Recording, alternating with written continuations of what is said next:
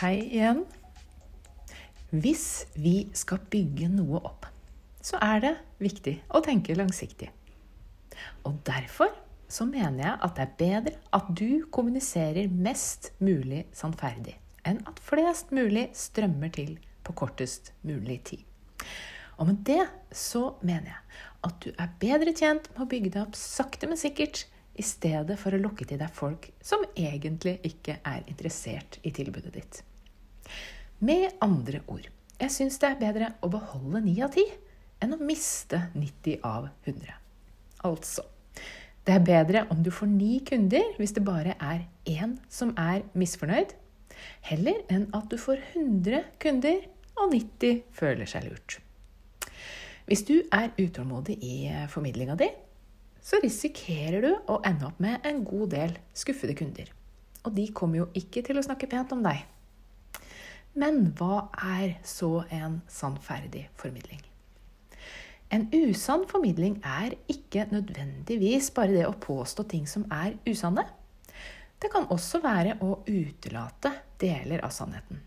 Og sjøl om det her ikke er intensjonen vår, så kan det være fristende å gjøre det her når vi blir utålmodige, og vi vil ha mange kunder raskt.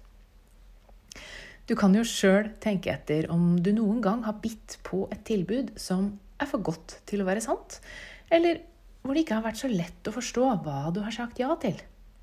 Du snakker neppe særlig pent om dem du handla det her produktet fra. Men det er ikke bare det om du får fornøyde kunder som er viktig. Og det er heller ikke bare oss sjøl som bedrift vi må tenke på. Vi har jo også et ansvar for at kunden ikke kaster bort pengene sine. Jeg skal komme nærmere inn på det her i morgendagens eh, episode, som handler om prissetting. Om det så bare er snakk om 100 kroner, eller 99, som er mer sannsynlig, så vil det at vi framstiller noe som enklere enn det er, innebære at vi villeder noen til å kaste bort pengene sine. Det er jo selvfølgelig ikke intensjonen vår. Men da har vi kanskje rett og slett ikke forstått hvor viktig det er at både pris og budskap gir det rette inntrykket av hva vi har å tilby. Hvis vi tar en lav pris fordi vi f.eks. ikke ønsker at kunden skal klage på prisen, så gjør vi jo i virkeligheten kunden vår en annen bjørnetjeneste. Et kvalitetsprodukt bør ikke selges som et lavprisprodukt, rett og slett fordi det forvirrer kunden din. Og hvis du har lovet kunden din en enkel løsning på noe det ikke finnes en enkel løsning på, ja, da er det villedende markedsføring. Vi har et ansvar her. Hvis vi markedsfører livsstilsendring og lignende med enkle trinn, mener vi da ærlig og med hånda på hjertet at det er hele sannheten? Og hvis ikke, hvem bestemte at det var greit å fortelle bare halve sannheten? I mange tilfeller så mener jeg at det å fortelle halve sannheten er å føre kunden bak lyset. Men det har kanskje ikke så mye å si, for det er jo bare 99 kroner. Og alle gjør jo det samme, så da er det vel greit. Ja, om vi er enig i det, det får jo være opp til magefølelsen vår. Men det er greit å bli bevisst på at vi ikke er tjent med passive kunder som ikke forsto hva produktet vårt gikk ut på, fordi vi ikke turte å stå fullt og helt inne for det, og fordi vi hadde det travelt. Og det er egentlig det her det dreier seg om. For hvorfor markedsfører vi noe som enklere enn det er? Det er jo fordi vi er utålmodige, og vi, vi, tror ikke at vi får til å formidle hva vi egentlig står for. Fordi vi tror at andres måte er bedre. Og vi vil ha raske resultater. Men hva er et resultat? Eller mer presist, hva er et godt resultat for deg? Jeg mener at antallet fornøyde kunder er et godt resultat. Ikke antallet kunder som biter på en kampanje. Får du ni kunder ut av ti, så er jo det noe helt annet enn å få ti kunder ut av 100.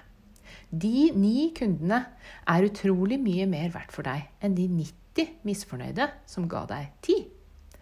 Men for å tro på det her, så, så må vi stå stødig i oss sjøl. Og det er lettere sagt enn gjort å være fornøyd med sine ti påmeldte hvis naboen fikk 100. Men hvem kommer egentlig best ut av det? Den som etter hvert mister 90% av de som meldte seg på, eller den som beholder 90% fornøyde kunder? Ja, det er derfor det er så viktig, det her med å, å tenke langsiktig og se langt fram i tid. Og det innebærer faktisk å ikke sammenligne seg med andre. For den som har motet til å ta ett skritt om gangen og bygge seg opp sakte, men sikkert, det er den som bygger en solid og varig bedrift med godt omdømme. I morgen så skal jeg snakke om det området hvor jeg starter når jeg jobber med medlemmene i medlemsportalen min, nemlig med å gjøre oss klar over hvor mye vi faktisk kan styre med prisen vår. Og det gjelder ikke bare hva vi formidler om produktet vårt, men også hvilke verdier vi står for, og hva slags type mennesker vi tiltrekker oss. For hvem ønsker vi å jobbe med? Det er nemlig en klar sammenheng mellom prisen på produktet og hvilke forventninger som oppstår. For det fins kunder som ønsker å få resultatet servert, og som vil at du skal gjøre jobben for dem. Hvordan bruker du prisen til å tiltrekke deg kunden som passer deg og ditt produkt? Det skal du få høre litt mer om i neste episode. Vi ses da. Ha en modig dag så lenge.